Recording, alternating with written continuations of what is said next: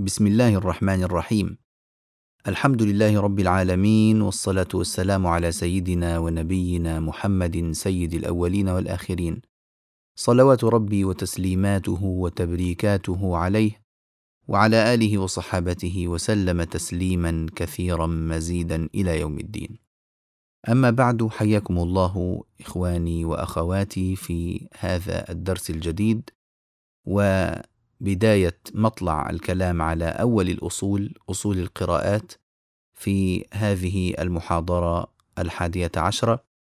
ونسأل الله تبارك وتعالى أن يرزقنا وإياكم التمام على خير وأن يوفقنا وإياكم للعلم النافع والعمل الصالح وأن يعيننا وإياكم على هذه الدروس وفهمها واستيعابها وأن يرزقنا وإياكم حسن العناية بكلامه ويفتح على قلوبنا وإياكم في فهم معانيه كما أننا ندرس ونحسن مبانيه.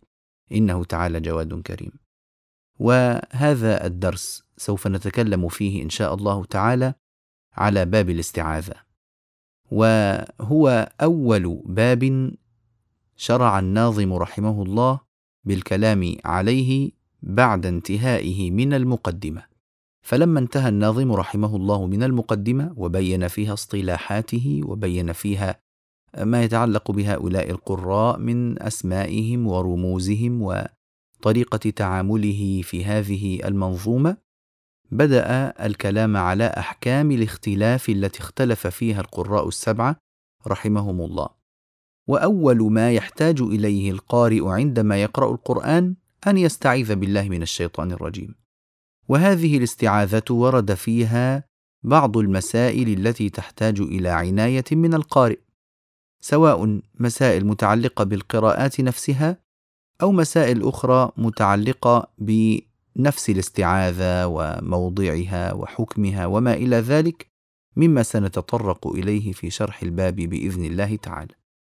فما علة بدء الناظم بباب الاستعاذة؟ العلة هي أن الاستعاذة أول ما يبدأ به كل قارئ للقرآن الكريم.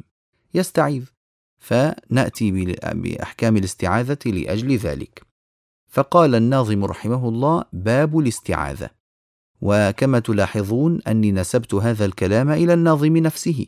فالناظم نفسه هو الذي قال باب الاستعاذه ولذلك نأتي بأسماء هذه الأبواب عندما نسمع النظم ونحفظه نحفظه بأسماء أبوابه.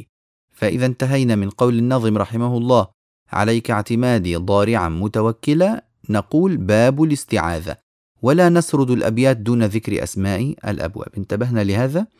طيب باب الاستعاذة. الباب دائما في كل العلوم باب كذا فصل كذا. هذا يكون خبرا لمبتدأ محذوف تقديره هذا. يعني في مبتدأ محذوف هنا من الكلام وتقدير الكلام هذا باب الاستعاذة عشان لو حبينا نعرف إعراب هذا الكلام. هذا باب الاستعاذة فباب خبر لمبتدأ محذوف تقديره هذا. وباب الشيء هو ما يتوصل إليه منه. يعني أنا أتوصل إلى معرفة أحكام الاستعاذة من دراستي لباب الاستعاذة. طيب ما معنى الاستعاذة؟ الاستعاذة طلب الإعاذة من الله. والإعاذة من الله هي العصمة منه سبحانه وتعالى أن يعصم الله عز وجل عبده. فالاستعاذة إنما تكون بلفظ أعوذ. لما يقال استعذ لا تقل استعيذ كما سنبين بعد قليل وإنما نقول أعوذ. أعوذ فهو خبر. لما أنا أقول أعوذ بالله هو خبر. ولكن معناه الدعاء. يعني كأنني أقول اللهم اعصمني اللهم أعذني.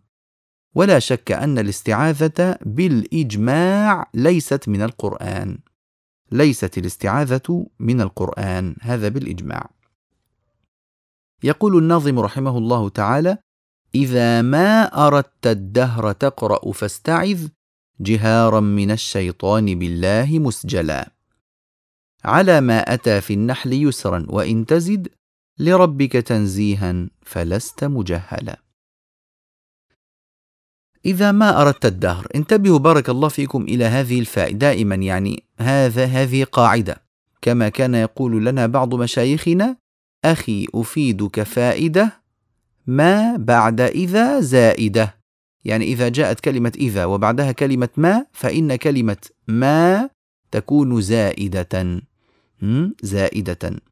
وهي طبعا تفيد يعني مزيد من التوكيد وإنما جاءت لأن إذا شرطية يعني لها آه، قواعد معينة ليس هذا مجال ذكرها ولا نريد أن نسهب في هذا الأمر. إذا قول الناظم إذا ما أردت الدهر يعني إذا أردت الدهر. إذا أردت. طيب ما معنى قوله أردت؟ يعني قصدت. إذا أردت يعني إذا قصدت. ما معنى قوله الدهر؟ إذا ما أردت الدهر. الدهر هو الزمان. الدهر هو الزمان. وكلمة الدهر هنا منصوبة لأنها ظرف زمان. إذا ما أردت الدهر يعني في أي زمان من الأزمنة. في أي وقت من الأوقات. إذا ما أردت في الدهر أن تقرأ. جيد؟ طيب. وقوله تقرأ طبعا أصل الكلام إذا ما أردت الدهر أن تقرأ ولكن باعتبار أنه أن حذفت فصار تقرأ مرفوعا. آه، وإلا فتقدير الكلام أن تقرأ يعني إذا أردت أن تقرأ القرآن في أي وقت من الأوقات فاستعذ جهارا من الشيطان بالله مسجلا. استعذ جهارا اجهر بالاستعاذة من الشيطان بالله. يعني استعذ بالله من الشيطان. طبعا هنا في تقديم وتأخير لأنه الأصل أن الاستعاذة تكون بالله من الشيطان. ولا نقول أعوذ من الشيطان بالله أه؟ إلا أنه لا شك أن هذا لا شك أن هذا جاء بسبب أه يعني ضيق النظم وما إلى ذلك مما نعلمه من ظروف النظم. المهم قوله رحمه الله إذا ما أردت الدهر تقرأ فاستعذ جهارا من الشيطان بالله مسجلا. استعذ في أي وقت تريد أن تقرأ القرآن؟ في أي زمن من الأزمنة؟ إذا أردت القراءة فاستعذ بالله من الشيطان الرجيم. كلمة مسجلة يعني مطلقة. ما معنى مطلقة؟ يعني لجميع القراء في جميع القرآن. أي موضع من القرآن تبدأ؟ لأي قارئ من القراء تقرأ. هذا معنى كلمة مسجلة أسجل يعني أطلق. طيب بالنسبة للشيطان خذوها من باب الفائدة يعني. الشيطان من من أي اشتقاق اشتق آه، هذا اللفظ؟ أو إذا أردنا يعني أن نذكر أو نبين وزن كلمة شيطان فهل هي على وزن فيعال ولا على وزن فعلان؟ وجهان. الأولى ويعني الأشهر والذي عليه أكثر الأئمة أنها مأخوذة من مادة شطن. شطن. شين طاء نون. وشطن يعني بعد.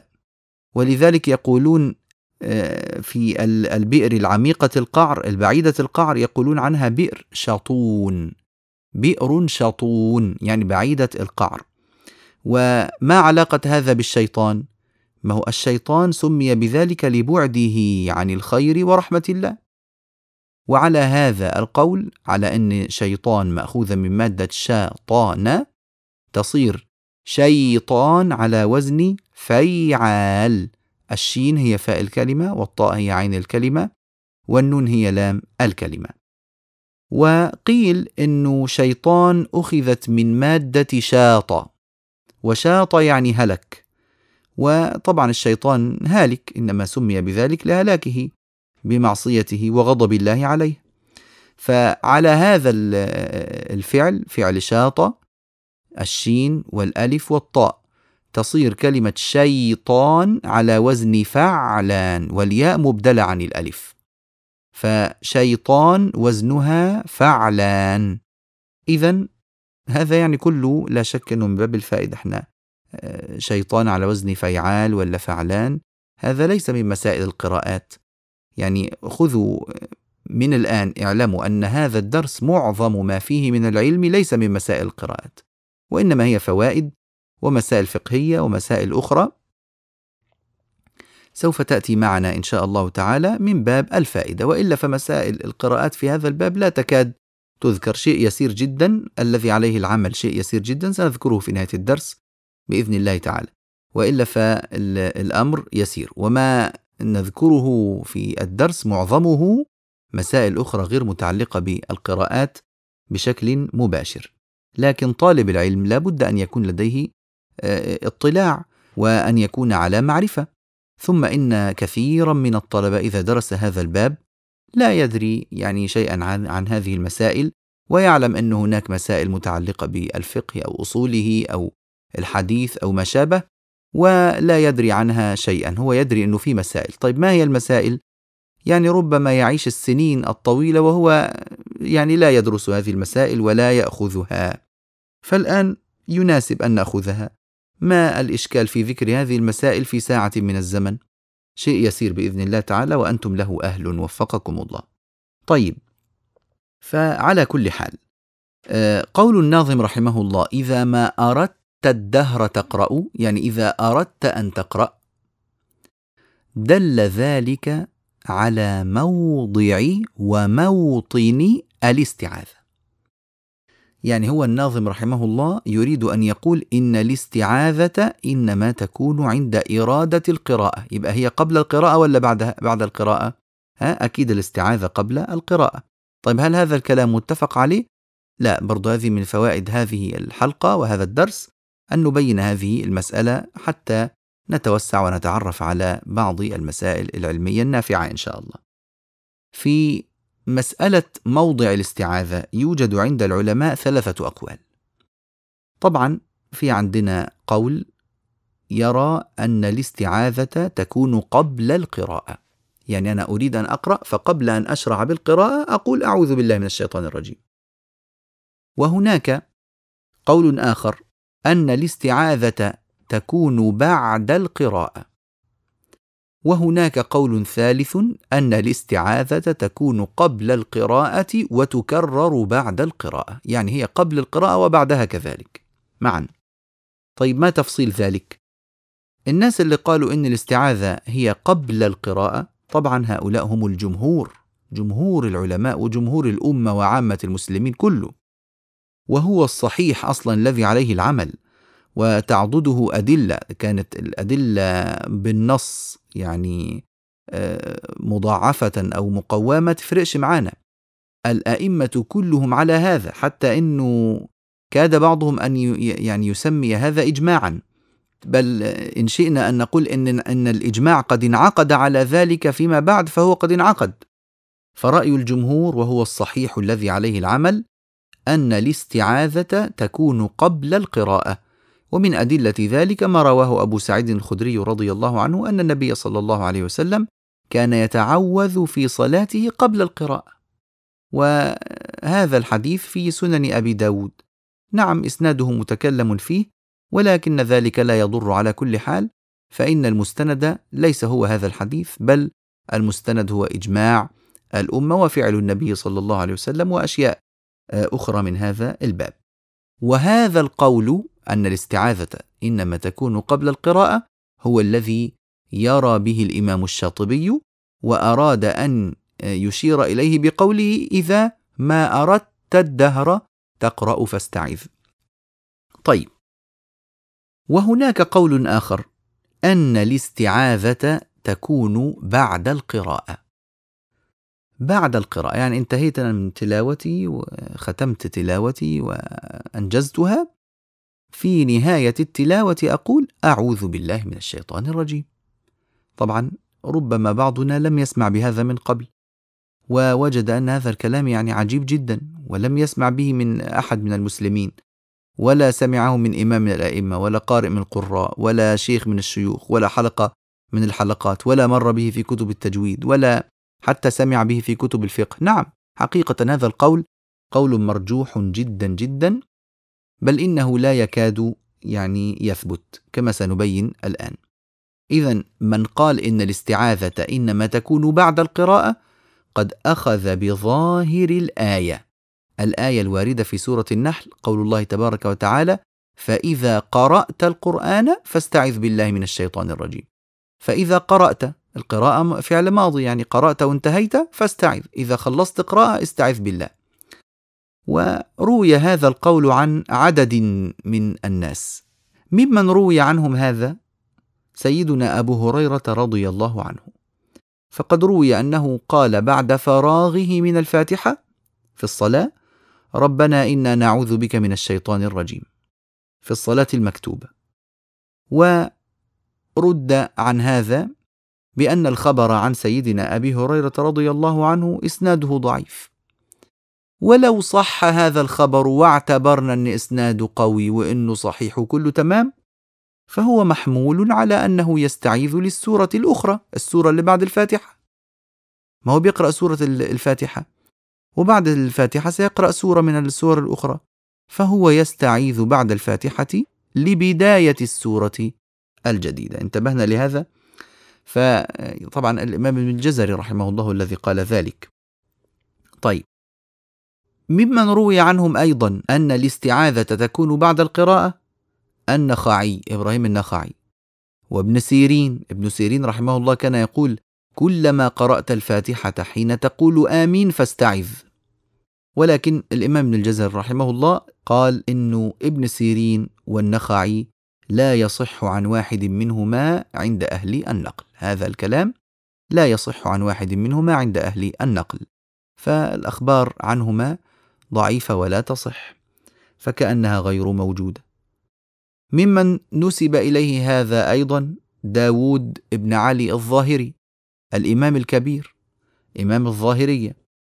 ولكن بعد التتبع لم يوجد هذا القول منسوبا إلى داود بقول واضح في شيء من كتب الظاهرية. بل إن ابن حزم الظاهري إمام أهل الظاهر نص على التعوذ قبل القراءة ولم يذكر غير ذلك. وهذا الكلام موجود في كتابه المحلى مصدر من أهم المصادر للفقه الظاهري الذي يأخذ بظاهر النص يعني.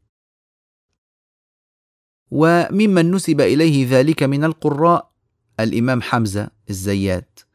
والإمام أبو حاتم السجستاني القارئ أيضا من القراء والأئمة يعني نعم. ف الروايات المروية عن حمزة روايات منقطعة الأسانيد فلا يعول عليها عند القراء.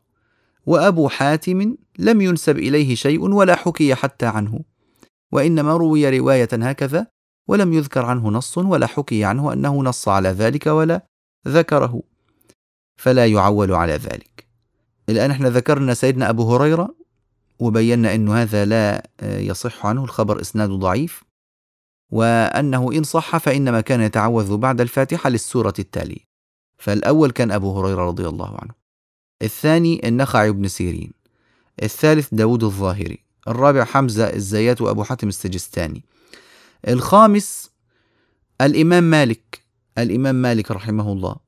وردت عنه رواية أن التعوذ يكون في الصلاة. انتبهوا شوفوا التخصيص العجيب. يكون في الصلاة بعد الفاتحة. يعني يكون القارئ بيقرأ في الصلاة في هذه الحالة يستعيذ بعد الفاتحة. وأئمة المذهب المالكي كالقاضي أبي بكر ابن العربي رحمه الله استغرب هذا جدا وأنكره ولم يأخذ به ولا عمل بهذه الرواية ولا أخذ بها السادة المالكية. بل قالوا إنه عجيب على فقه مالك ويعني لا يدرون كيف آه، يحصل هذا. وكيف يقول الإمام مالك هذا خلاف منهجه وخلاف طريقته وأسلوبه في الفقه فلم يأخذوا بهذا القول. جميل؟ طيب هؤلاء الأئمة إحنا أسهبنا في هذا القول وأطلنا عليكم معلش لكن الأمر يسير إن شاء الله. هؤلاء الأئمة من أين جاءوا بهذا الفهم؟ أن القراءة أن الاستعاذة تكون بعد القراءة؟ قلنا إنهم أخذوه من ظاهر الآية فإذا قرأت والفعل ماضي فاستعذ. طيب ما الله سبحانه وتعالى آه، يعني قال يا أيها الذين آمنوا إذا قمتم إلى الصلاة فاغسلوا وجوهكم. فهل غسل الوجه أي الوضوء يعني وافعال الوضوء تكون بعد الصلاة أم تكون قبل الصلاة؟ طيب والنبي صلى الله عليه وسلم قال إذا توضأ أحدكم فليستنثر ومن أتى الجمعة فليغتسل. الناس بتغتسل غسل الجمعة بعد الصلاة ولا بيغتسلوا غسل الجمعة قبل الصلاة؟ تمام؟ فمسألة إذا فعلت كذا فافعل كذا معناه إذا أردت أن تفعل. هذا ذائع وشائع في اللغة العربية. وعندما يقول القائل إذا أكلت فسم الله فمعناه إذا أردت أن تأكل مش معناه كل وخلص انتهي من أكلك ثم سم الله بعد أن تنتهي طيب إذا من يرى أن الاستعاذة تكون بعد القراءة أئمة روي عنهم ذلك وقد بينا أنه لا يصح عن واحد منهم شيء من ذلك وأن ذلك غير مأخوذ به من جميع الوجوه. الإمام الفخر الرازي رحمه الله في تفسيره جاء بقول ثالث. قول يعني بعيد جدا ولا دليل عليه ولا هو عليه العمل. قال إنما نستعيذ قبل القراءة وبعدها. يعني أستعيذ في البداية وفي النهاية. كأنه يريد أن يجمع بين الأمرين ولكن يعني هذا شيء لم يسبق إليه رحمه الله ولا عمل بهذا أحد من الأئمة. اذا الخلاصة إن موضع الاستعاذة وموطن الاستعاذة انعقد الإجماع على أن التعوذ إنما يكون قبل القراءة والإجماع حجة قاطعة والله الموفق. اذا قول الإمام الشاطبي رحمه الله إذا ما أردت الدهر يشير به إلى أن الاستعاذة إنما تكون قبل القراءة وأن قول الله فإذا قرأت القرآن معناه إذا أردت القراءة. جميل. وخلاصة معنى هذا البيت أنه أمر بالاستعاذة مجهورا بها لجميع القراء في جميع القرآن قبل القراءة. طيب قال الناظم رحمه الله بعد ذلك على ما أتى في النحل يسرا. ما معنى هذا البيت؟ ما معنى قوله على ما أتى في النحل؟ قوله على ما أتى في النحل يثير لنا مسألة لفظ الاستعاذة. ما هو اللفظ الوارد في الاستعاذة وبعض المسائل الأخرى. طبعا آه، سبق الكلام عن موضع الاستعاذة منذ قليل وأنها قبل القراءة. وقوله الناظم على ما أتى في النحل إنما أراد به على اللفظ الوارد في سورة النحل وهو قول الله تبارك وتعالى فإذا قرأت القرآن فاستعذ بالله من الشيطان الرجيم إذا قرأت القرآن. جميل؟ طيب. فقوله تعالى فاستعذ يد هذا أمر. فما حكم الاستعاذة؟ ما حكم الاستعاذة عند الفقهاء؟ الاستعاذة بارك الله فيكم يؤخذ حكمها من قول الله تعالى فاستعذ فاستعذ. فالاستعاذة فيها تفصيل سأبينه لكم أيضا وهذا كله كما قلت لكم فوائد من آه، في باب الاستعاذة لا تتصل بالقراء حتى الآن يعني لم نذكر مذاهب القراء لم نذكر آه، أحكام متعلقة بتلاوتها لم نذكر ذلك لسه لم يأتنا. إذا حكم الاستعاذة أن فيها تفصيلا كما يلي. أولا بالنسبة للاستعاذة في غير الصلاة حكمها الندب مطلقا يعني الأمر في قوله تعالى فاستعذ يدل على الندب مطلقا بالنسبة لغير الصلاة. وأما في الصلاة ففيها تفصيل على خمسة أقوال. خمسة أقوال اكتبوها وانظروا معي ونتأملها مع بعض سهلا إن شاء الله. القول الأول حكمها الوجوب في كل مرة يقرأ فيها القرآن في الصلاة. وبهذا القول قال سفيان الثوري وعطاء بن أبي رباح رضي الله عنهما ورحمهما. وقالوا إن الأمر الأصل أن الأمر يكون للوجوب. والله تعالى يقول فاستعذ وهذا أمر. فالأمر هنا يحمل على الوجوب. هذا أمر. الثاني أن النبي صلى الله عليه وسلم واظب على الاستعاذة ولم يفارقها. ومواظبة النبي صلى الله عليه وسلم تدل على الوجوب.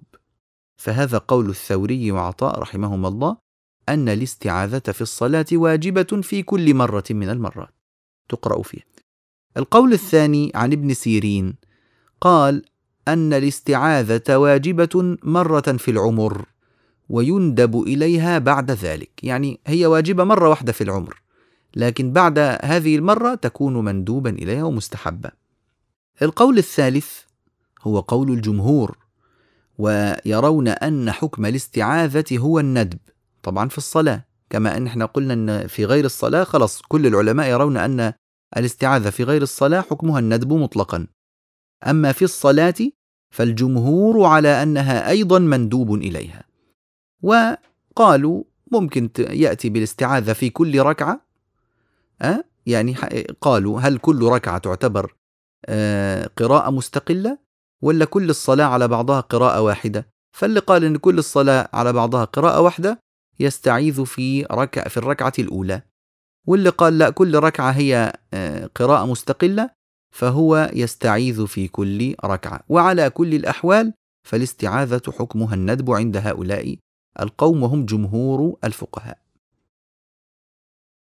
القول الرابع يؤول إلى إلى القول الثالث. ما معنى يؤول؟ يعني يوصلنا إلى نفس النتيجة وهي الندب.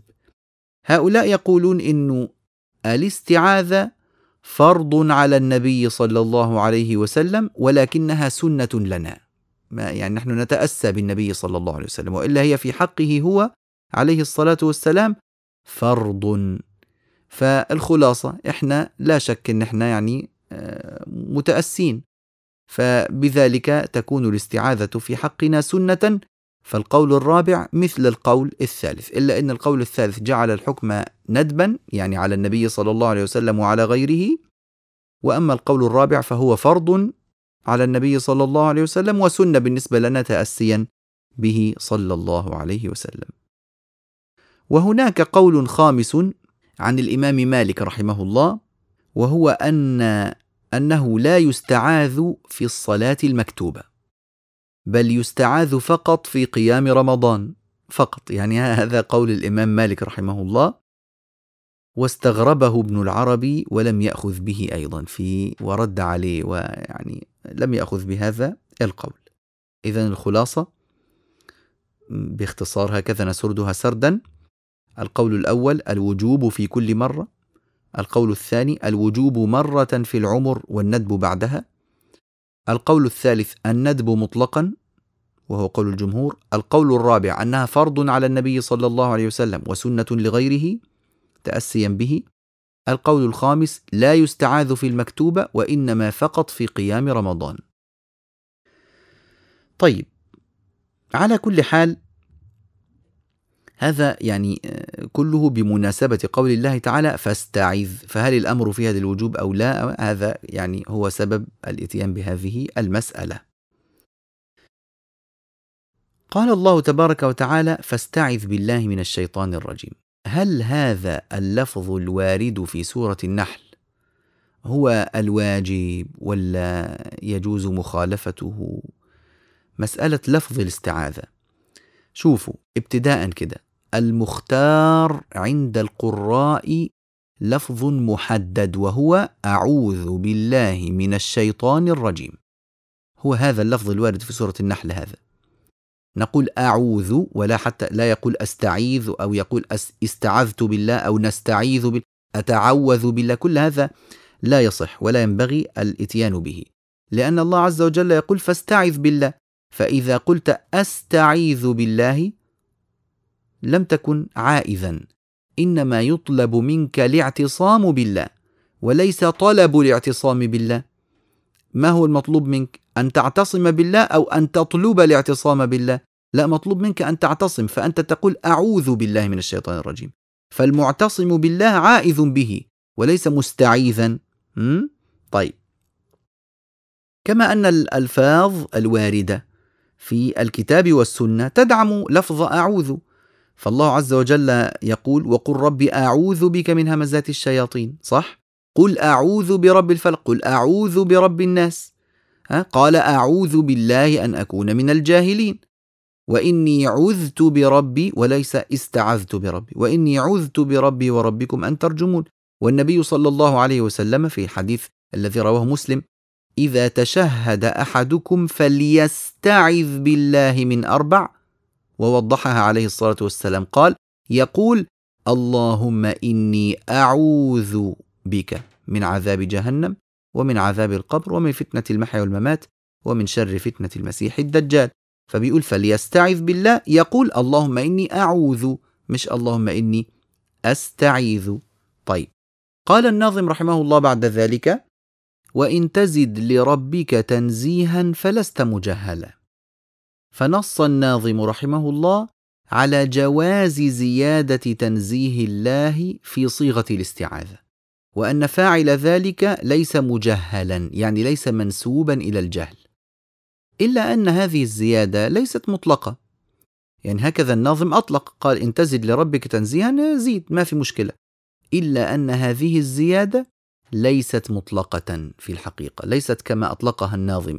بل هي مقيدة بما ورد ونقل من الصيغ عن النبي صلى الله عليه وسلم وكذلك ما ورد عن القراء الأخذ به. فاكتبوا بعض هذه الصيغ آه، لمن شاء أن يأخذ بها وكلها مروية عن القراء ومأخوذ بها وكذلك مروي آه، منها صيغ عن النبي صلى الله عليه وسلم. فمن ذلك أن يقول القائل أعوذ بالله السميع العليم من الشيطان الرجيم. فالسميع العليم فيها زيادة تنزيه لله تبارك وتعالى. كذلك أن يقول أعوذ بالله العظيم من الشيطان الرجيم. ويمكن كذلك صيغة ثالثة أعوذ بالله من الشيطان الرجيم. إن الله هو السميع العليم. أو يزيد فيقول أعوذ بالله العظيم السميع العليم من الشيطان الرجيم. أعوذ بالله العظيم السميع العليم من الشيطان الرجيم. الصيغة الخامسة مثلا أعوذ بالله العظيم من الشيطان الرجيم إن الله هو السميع العليم.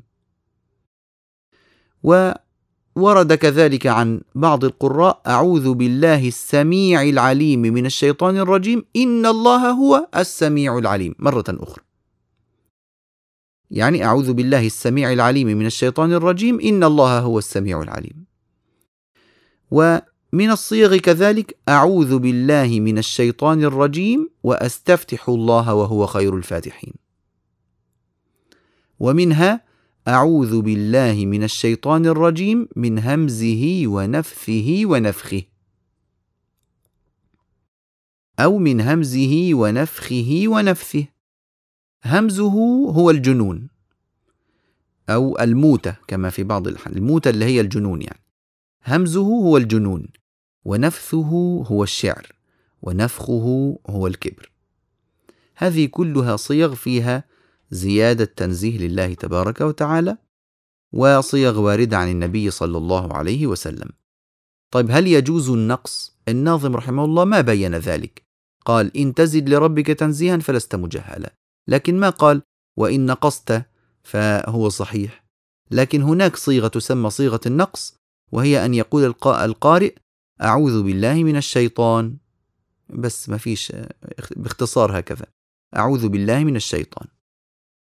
وهنا يأتينا شرح قول الناظم رحمه الله وقد ذكروا لفظ الرسول فلم يزد. ولو صح هذا النقل لم يبق مجملا. ما معنى هذا البيت؟ وقد ذكروا من اللي ذكروا؟ ها الضمير هنا يعود على من؟ جماعة من المصنفين في القراءات يعني الأئمة الذين صنفوا في القراءات ذكروا لفظ الرسول. ما معنى لفظ الرسول؟ يعني أخبارا عنه صلى الله عليه وسلم وروايات عن النبي عليه الصلاة والسلام. فلم يزد يعني في هذه الأخبار والروايات لم يزد على اللفظ الوارد في سورة النحل.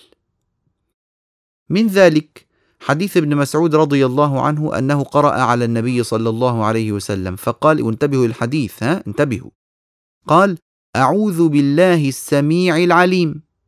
فقال النبي صلى الله عليه وسلم قل أعوذ بالله من الشيطان الرجيم. يعني الحديث واضح جدا. واحد يقول أعوذ بالله السميع العليم من الشيطان الرجيم. لا لا لا. ممنوع بل تقول أعوذ بالله من الشيطان الرجيم. طيب. وحديث آخر عن جبير بن مطعم رضي الله عنه أنه قال كان رسول الله صلى الله عليه وسلم يقول أعوذ بالله من الشيطان الرجيم. يعني وضح الصيغة كما هي صيغة سورة النحل. طيب الحمد لله الحديثة هي واضحة لماذا لا نأخذ بها؟ في الواقع أن الحديث الأول حديث ابن مسعود رضي الله عنه لا أصل له في كتب الحديث كما يقول الإمام أبو شامة المقرئ المحدث الكبير لا أصل له في كتب الحديث وأما حديث جبير بن مطعم فقد أخرجه أبو داود لكن بغير هذه العبارة زاد فيه من همزه ونفخه ونفثه بل هناك أحاديث أصح من هذين الحديثين الضعيفين تعارض هذين الحديثين. من ذلك حديث أبي سعيد الخدري رضي الله عنه كان رسول الله صلى الله عليه وسلم إذا قام من الليل يقول أعوذ بالله السميع العليم من الشيطان الرجيم من همزه ونفخه ونفثه. إذا هناك أحاديث أصح من هذين الحديثين الضعيفين تعارض هذا القول إنه الاقتصار على لفظ أعوذ بالله من الشيطان الرجيم. جميل؟ ولذلك يقول الناظم رحمه الله: ولو صح هذا النقل، يعني لو صحت هذه الأحاديث الضعيفة التي التي ذكرناها لم يبق مجملة. ما معنى لم يبق مجملة؟ يعني لم يعد هناك إطلاق في الآية. انتبهوا إلى سأوضح لكم هذا، قوله مجملا عبر به عن الإطلاق الوارد في آية سورة النحل. يعني كلمة مجملة يعني هي أصلا مطلقا اللفظ المطلق الوارد في سورة النحل. ما معنى اللفظ مطلق في سورة النحل؟ هل الآية تنص على صيغة معينة ولا تنص على مجرد التعوذ من الشيطان؟ عند القراءة إذا قرأت فتعوذ من الشيطان. فيحصل التعوذ بأي لفظ. فالمسألة مطلقة أي لفظ يصلح للتعوذ؟ يكون فيه آه، تطبيق لهذه الآية. فلو صحت الأحاديث لصارت تقييدا لهذا الإجمال والإطلاق الوارد في الآية الواردة في سورة النحل. فلما لم تصح هذه الأحاديث بقيت الآية على إطلاقها وجازت الزيادة على لفظ سورة النحل. فهمنا معنى قوله وقد ذكروا لفظ الرسول فلم يزد ذكروا هذه الأحاديث الضعيفة التي لا تزيد على لفظ سورة النحل شيئا. ولو صح هذا النقل لو صح نقلهم هذا في هذه الأحاديث لم يبقي هذا النقل اجمالا واطلاقا في الآية بل كان قد قيدها بهذا اللفظ ولم يجز الخروج عنه. قال بعد ذلك وفيه مقال في الأصول فروعه فلا تعد منها باسقا ومضللا وفيه كما اعتدنا نريد أن نفهم الضمائر إذا أعدناها عودا صحيحا نفهم معنى البيت. ما هو اللي فيه مقال؟ م? فيه في ماذا؟ إما أن يكون في التعوذ أو أن يكون في لفظ الرسول اللي هو يعني الألفاظ الواردة في سورة النحل. طيب نريد أن نفهم. حاضر بعد قليل انتبهوا معي بس خليكم معايا واحدة واحدة. وفيه مقال ما معنى مقال؟ يعني قول كثير وكلام طويل في هذا الموضوع. في الأصول فروعه، في الأصول، أصول إيه؟ إما أن يراد أصول وأمهات القراءات الكتب الأصول والأمهات المؤلفة في علم القراءات. وإما أن يراد كتب أصول الفقه. تمام؟ فروعه، ما معنى فروعه؟ فروع إيه؟ فروع هذا الكلام والقول الطويل والكلام الكثير هذا هذا هو الذي يراد بقوله فروعه. طيب. كأني أسمعكم تقولون والله إحنا ما فهمنا شيئا. ما ما هذا الموضوع يعني؟ الآن إحنا تهنا ولا ندري. أصول قراءات أصول فقه فيه في التعوذ في لفظ الرسول. نعم أنا سأوضح لكم الآن. لهذا البيت إمكانية فهمين. الفهم الأول في التعوذ مقال في كتب الأصول المؤلفة في علم القراءات الكتب الموسعة الكبيرة الموضوعة في علم القراءات. فلا تعد منها باسقا ومضللا فلا تعد يعني فلا تتجاوز من هذه الأقوال القول الباسق ها يعني العالي المرتفع. ومظللا ما له ظل لكثرة فروعه وورقه. يعني يريد أن يعبر عن القول القوي والقول الجيد والقول الذي عليه العمل وعليه الأئمة. هذا هو القول الباسق والمظلل فهمنا؟ فلا تعد منها باسقا ومظللا يعني لا تترك ولا تتجاوز القول الفصل الواضح الكبير المعول عليه عند القراء وعند الأئمة. طيب هذا الفهم الأول. إذا في التعوذ كلام طويل يذكر في كتب القراءات. هذا الفهم الأول. الفهم الثاني في لفظ الرسول يعني في الألفاظ الواردة في الأحاديث التي تحدد التعوذ بلفظ أعوذ بالله من الشيطان الرجيم بالذات هذه الأحاديث الضعيفة اللي ذكرناها فيها كلام كثير في كتب أصول الفقه. فلا تعد منها باسقا ومضللا فلا تأخذ إلا بالقول الصحيح والقول المعول عليه عند أئمة أصول الفقه. هتقولوا أصول الأصول الفقه ما علاقة الأصول في الموضوع؟ في الحقيقة هذا الباب آه، باب التعوذ وأحكام وما إلى ذلك نحتاج فيه إلى أصول ثلاثة علوم أصول الفقه وأصول الحديث وأصول القراءات. فبالنسبة لأصول الفقه نبحث فيه عن هل الأمر على الوجوب أو الندب؟ هل الآية واضحة الدلالة فيتعين لفظها ولا مجملة فيصلح كل لفظ يدل على التعوذ؟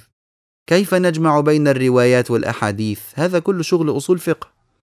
وأما في أصول الحديث فندرس درجة الحديث وصحته وأحوال رجاله وما إلى ذلك. وفي أصول القراءات ندرس صيغ التعوذ مذاهب القراء في الجهر والإخفاء الوقف على التعوذ وصله بما بعده وما إلى ذلك من الأحكام جميل؟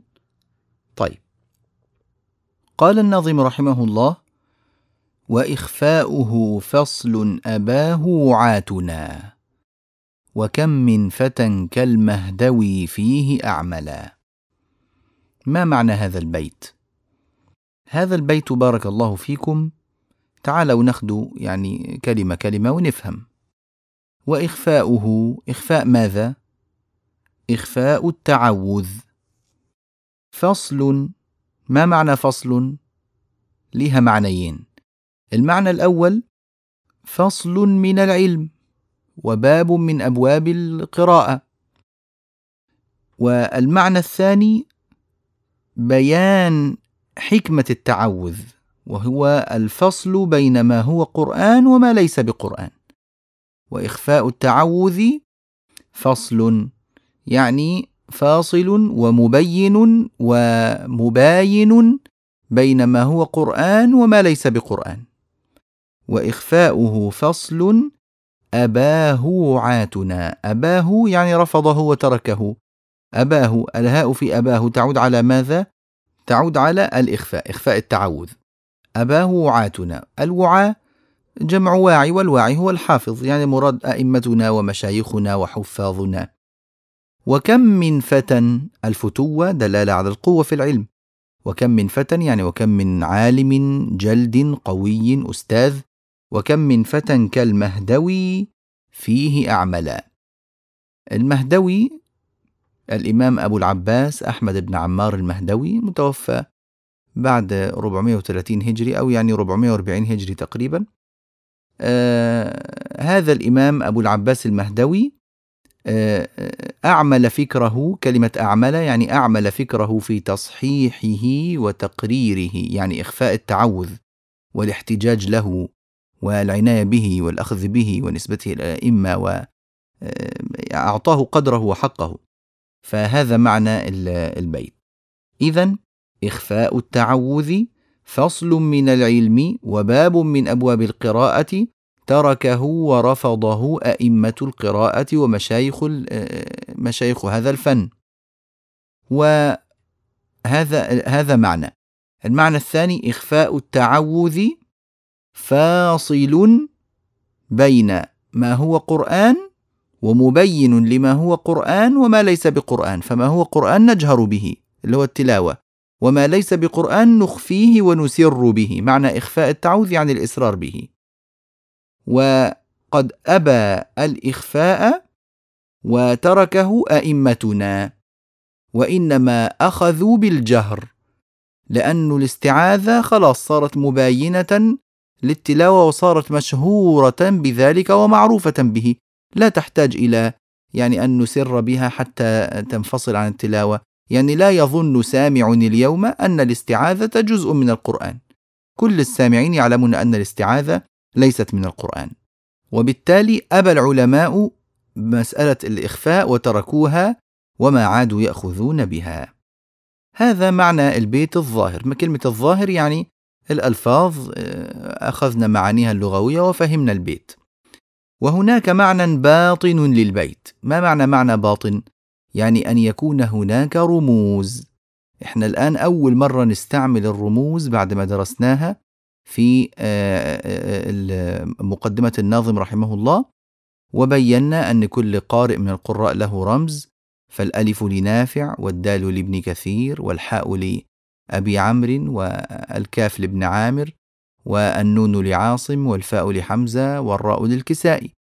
أبج دهز حطي كلم نصع فضق رست. وكل راوي من الرواة له كل يعني إمام الأئمة له راويا وكل راوي له رمز من هذا كما بيناه في المقدمة ولن نعيده أو نشير إليه الآن. المهم أنه في استخدام للرموز يستخدمها الناظم رحمه الله وهذا أول استخدام لما درسناه من الرموز في المقدمة. يقول رحمه الله وإخفاؤه فصل فالفاء هنا رمز يدل على قارئ. الفاء تدل على من؟ من هو صاحب رمز الفاء؟ فكروا معي. الفاء من كلمة فضق. أبج دهز حطي كلم نصع فضق. آه هي الكلمة السادسة. والكلمة السادسة تدل على من؟ فكروا على القارئ السادس. طيب نشوف القراء. نافع ابن كثير أبو عمرو ابن عامر عاصم حمزة. آه إذا الفاء رمز حمزة فإخفاؤه فصل الفاء تدل على حمزة. الآن إحنا بنتعب وبنفكر وكده عشان نصل إلى صاحب الرمز. ولكن بعد ذلك مع الممارسة إن شاء الله للأصول والدراسة والمذاكرة ونحو ذلك ستصير هذه الرموز شيئا يعني كالماء. كالماء. لا يتعب الإنسان في شربه بفضل الله تعالى وكرمه ورحمته ولا يجد فيه مشقة ولا عناء ابدا. وكذلك الدارس لا يجد ابدا مشقة ولا عناء في استخدام الرموز. بل حتى هذه الأبواب ستصير بالنسبة له مستحضرة في ذهنه كالفاتحة لا ينساها إن شاء الله عندما يطبق. فلا تقلقوا.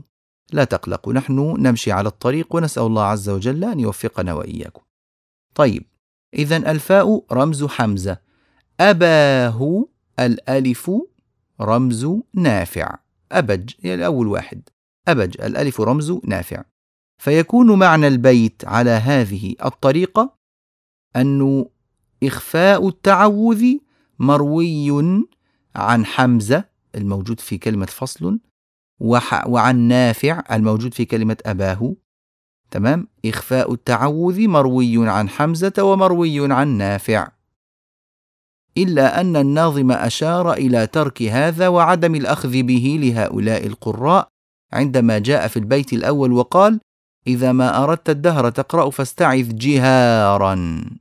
فتعبيره بكلمة جهارا يدل على أنه لا يأخذ بهذا التعوذ وكذلك تعبيره بأباه وعاتنا يعني الإمام الشاطبي يعي ما يقول ويفعل هذا كثيرا يعني هذه ربما تكون أول مرة نبدأ نتعامل مع النظم بهذه الطريقة لكن كثيرا ما يفعل ذلك رحمه الله وهو أمر سننص عليه في كل مرة من المرات القادمة.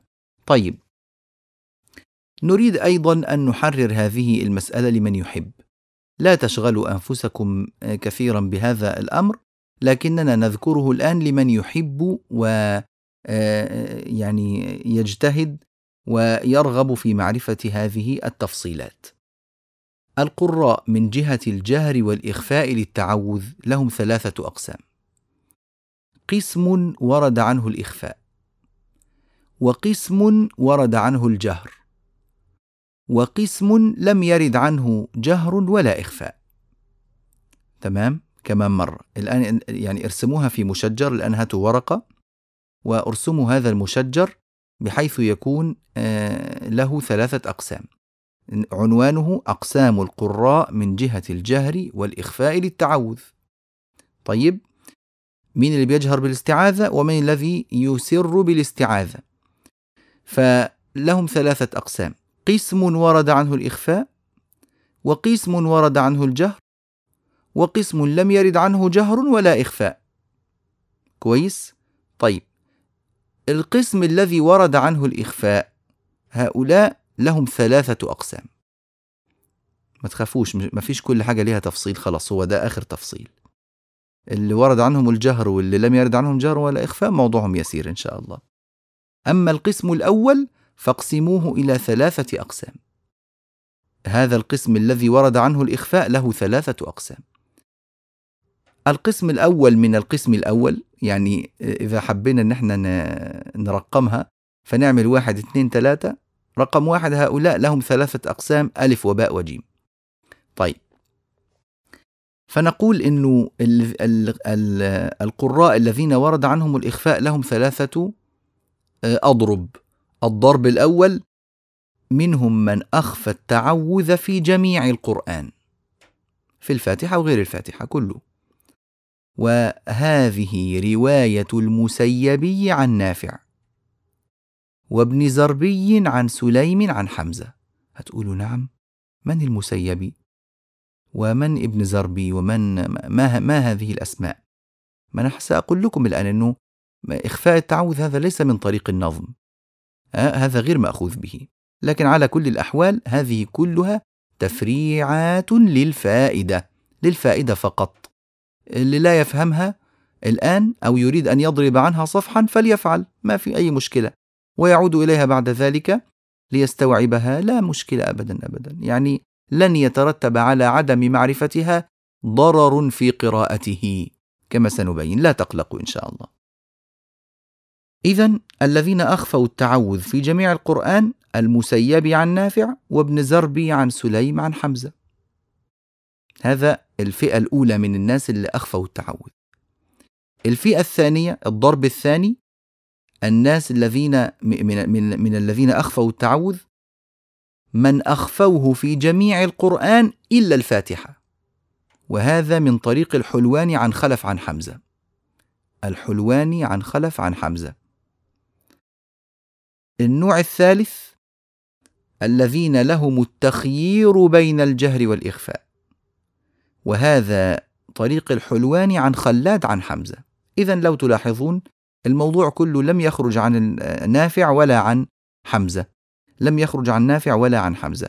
فإذا أردتم أن تجملوا الأمر فقولوا قسم من القراء ورد عنه الإخفاء وهو نافع وحمزة. بس باختصار وإخفاؤه فصل أباه.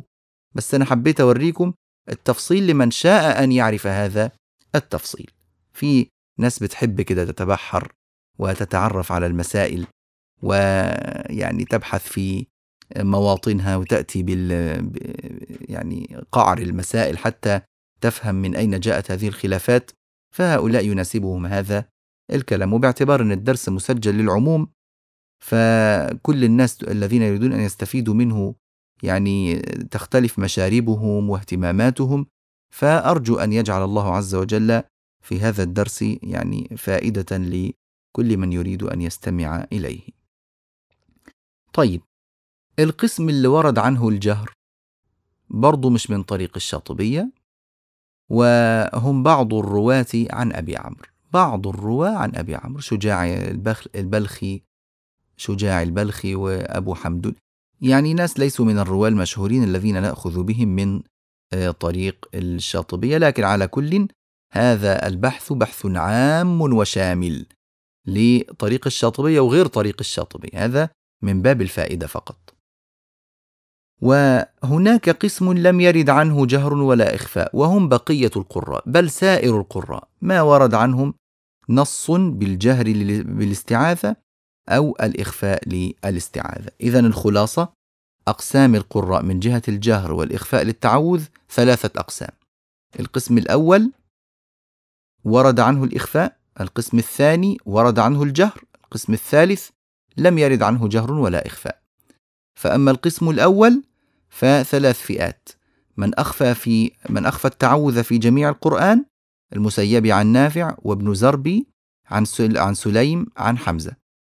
والفئة الثانية من أخفى التعوذ في جميع القرآن إلا الفاتحة وهي آه، رواية الحلواني عن خلف عن حمزة. ومن خير بين الجهر والإخفاء وهي رواية الحلواني عن خلاد عن حمزة. هذا الفئة الثالثة. القسم اللي ورد عنه الجهر بعض الرواة عن أبي عمرو. القسم الذي لم يرد عنه جهر ولا إخفاء سائر القراء. شوفوا عندنا نصين حلوين هنا يساعدوكم إن شاء الله. نص للإمام ابن الباذش رحمه الله وهو من أئمة يعني المؤلفين في القراءات له كتاب الإقناع في القراءات السبع وهو من أنفع الكتب. طبعا لا تعود إليه وإحنا يعني لا نقرأ من طريق الإقناع لكن إن شاء الله فيما بعد من أراد أن يبحث بعض المسائل فإنه يحتاج إلى التبحر في كلام أئمة القراءات الذين كتبوها في كتبهم فيحتاج إلى العودة إلى مثل هذه الكتب. يقول ابن الباذش رحمه الله والمختار للجماعة الجهر بالاستعاذة. شوفوا القول بالجهر عدنا إلى القول بالجهر لجميع القراء. وقد صارت رواية الإخفاء عندهم كالمرفوضة ورب شيء هكذا يروى ثم يسقط العمل به. ليه؟ آه الآن نستوعب لما نسمع كلام صاحب الدرة الفريدة رحمه الله. كان بيقول إيه؟ يقول ووجه الإظهار الإظهار يعني إظهار الاستعاذة يعني الجهر بها يعني. ووجه الإظهار إرادة تبيين ما جاء في التنزيل. ووجه الإظهار إرادة تبيين ما جاء في التنزيل. وقد استقر في النفوس وثبت في الصدور أن التعوذ ليس من القرآن. فلا حاجة إلى الإخفاء لذلك وعليه العمل. يعني خلاص إنما كانوا يخفون حتى يتميز القرآن من غير القرآن. فالآن استقر في النفوس وثبت في الصدور أن التعوذ ليس من القرآن. فهل هناك حاجة إلى إخفاء التعوذ؟ ما عاد هناك حاجة. وعليه العمل وبه يأخذ القراء. وعلى ذلك جرى العمل. طيب إذا أردنا أن نأخذ بالقول الفصل في الموضوع الذي صار عليه العمل في زماننا هذا بل حتى من قبل زماننا هذا.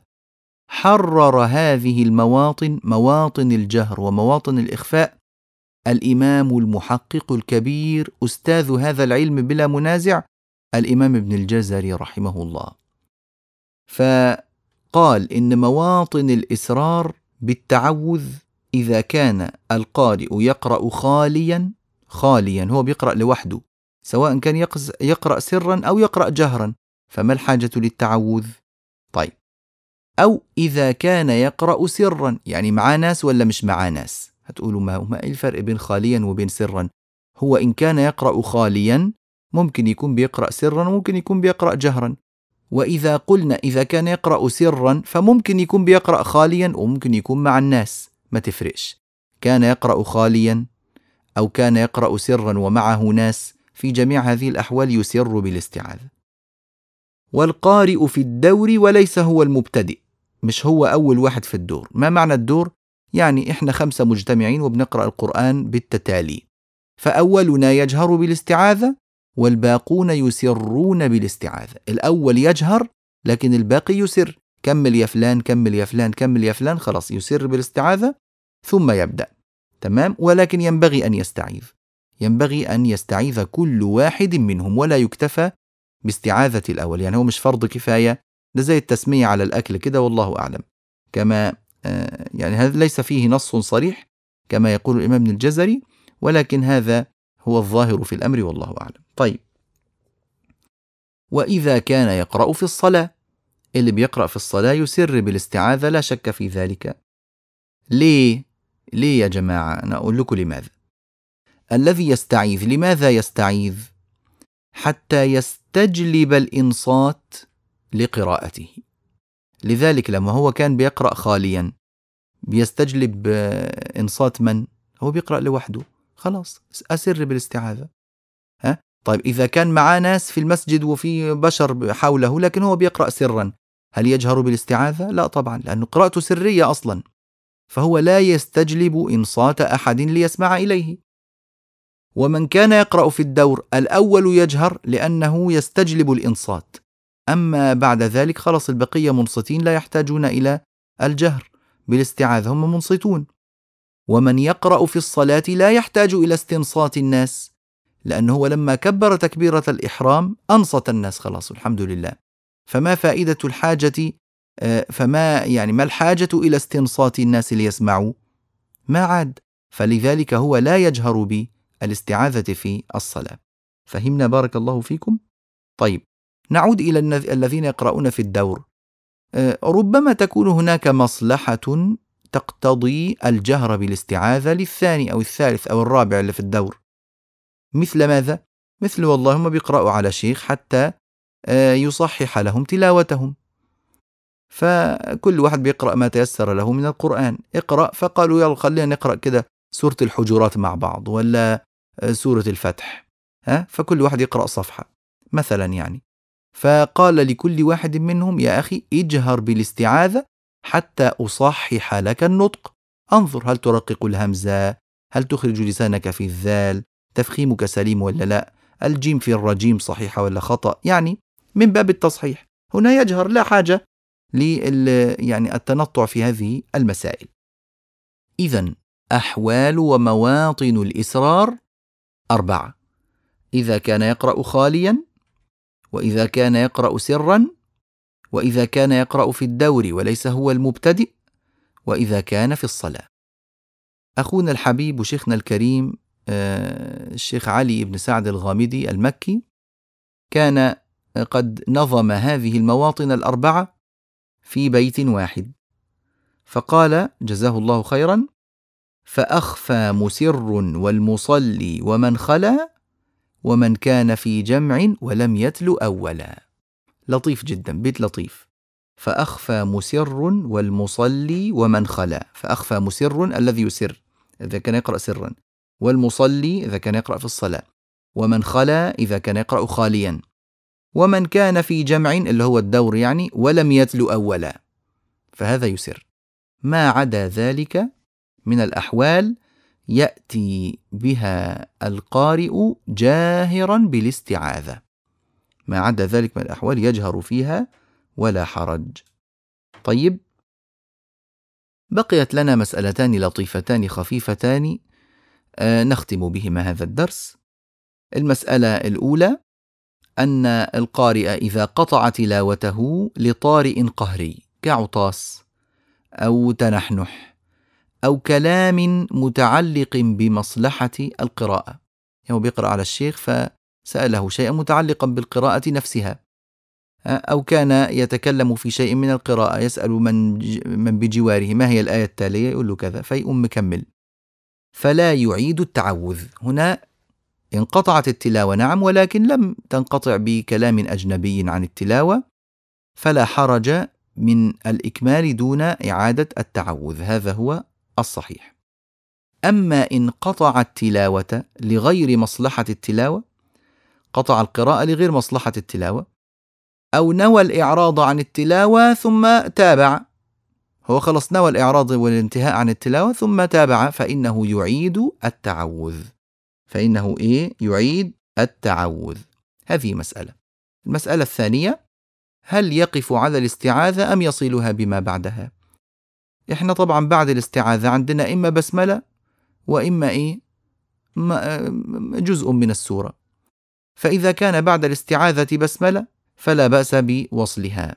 أما إن كان بعد الاستعاذة يعني بدأ فلم بدأ من أوساط السور فهو لا يحتاج إلى البسملة. لا يحتاج لا يلزمه لزوما وإنما هو مخير. فممكن يكتفي بالاستعاذة ممكن يبسمل معها. إن بسمل معها قلنا ممكن يصل الاستعاذة بالبسملة. أعوذ بالله من الشيطان الرجيم. بسم الله الرحمن الرحيم. طيب إذا بدأ من وسط السورة من السور ولم يبسمل معها فالأفضل والأولى أن يقف على الاستعاذة وألا يصلها بما بعدها من الآيات. ولكن يجوز له أن يصل لكن الأولى ألا يصل. ويتعين عليه ألا يصل الاستعاذة بالتلاوة إذا كانت التلاوة تبدأ بلفظ الجلالة أو بضمير يعود عليه أو باسم النبي صلى الله عليه وسلم أو يعني ضمير يعود عليه أو نحو ذلك. يعني لا يبدأ آه، بآية الكرسي مثلا فيصل الاستعاذة بآية الكرسي. مش لائق أبدا أن يقول من الشيطان الرجيم لا ما ينفع يعني هذا غير لائق أبدا. فلا ينبغي أن يصل هذا. انتبهنا بارك الله فيكم. إذا يجوز الوقف على الاستعاذة أو وصلها بما بعدها. بسملة كانت أو تلاوة. إلا أنه إذا كانت تلاوة من غير بسملة فالوقف أولى. والله تعالى أعلم. هذا هو درس اليوم. وأحب أن ألخص لكم في نهاية الدرس حتى يعني يكون الأمر يسيرا عليكم إن شاء الله. الكلام في باب الاستعاذة الذي ذكرناه كما تلاحظون انحصر في مسائل خمسة تقريبا هي أهم المسائل. لفظ الاستعاذة عند القراء حكم الجهر بها والإسرار موضعها في التلاوة قبل القراءة ولا بعد ولا كذا ولا كذا. حكمها الشرعي وجوب ولا ندب ولا مذاهب القراء السبعة فيها؟ مين اللي بيخفي ومين اللي بيسر من جهة الإيه؟ الحكم القراء فيها. وتكلمنا في هذه المحاضرة على آه، ما يتعلق بتعريف الاستعاذة وما إلى ذلك وبينا موضعها على ثلاثة أقوال أنها قبل القراءة وقلنا أنه قول الجمهور أو أنها بعد القراءة وقلنا أنه قول منسوب إلى جماعة من العلماء ولكن لا يصح عنهم أو أنها تكون قبل القراءة وبعدها قول الفخر الرازي وقلنا أن هذا لم يسبق إليه ولا يعمل به. وبينا أيضا آه، حكم الاستعاذة قلنا أنها في غير الصلاة مندوبة مطلقا وأما في الصلاة فالجمهور على الندب أيضا وقيل غير ذلك عند بقية العلماء. وبينا أيضا اللفظ المختار وهو أعوذ بالله من الشيطان الرجيم. وقلنا أنه يجوز زيادة التنزيه وبينا صيغا في ذلك ويجوز النقص أيضا وبينا مثالا لذلك.